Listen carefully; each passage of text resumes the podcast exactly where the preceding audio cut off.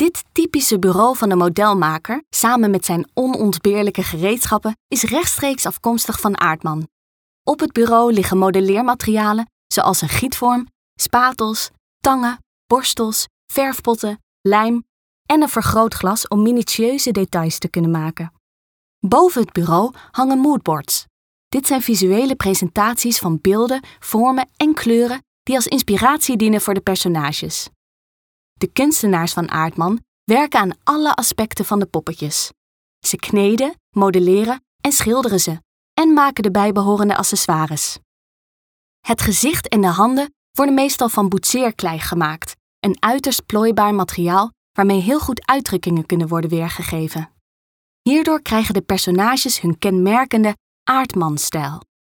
De modelleertechnieken van Aardman zijn in de loop der tijd geëvolueerd en ontwikkeld. Vroeger bestond voor elk personage slechts één model. Tegenwoordig worden van elke figuur meerdere versies gemaakt.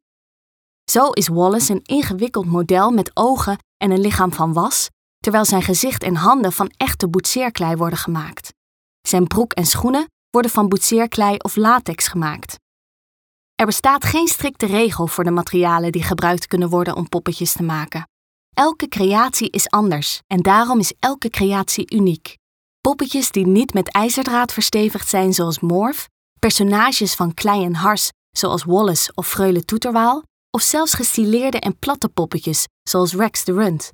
De lange lijst creaties van Aardman lijkt afkomstig uit een creatief laboratorium, waar speelse vormen en volumes worden onderzocht en uitgevonden. Deze kunstenaars, modelmakers en animators experimenteren met de kunst van stop-motion en verdienen daarmee hun eigen plek in de kunstgeschiedenis.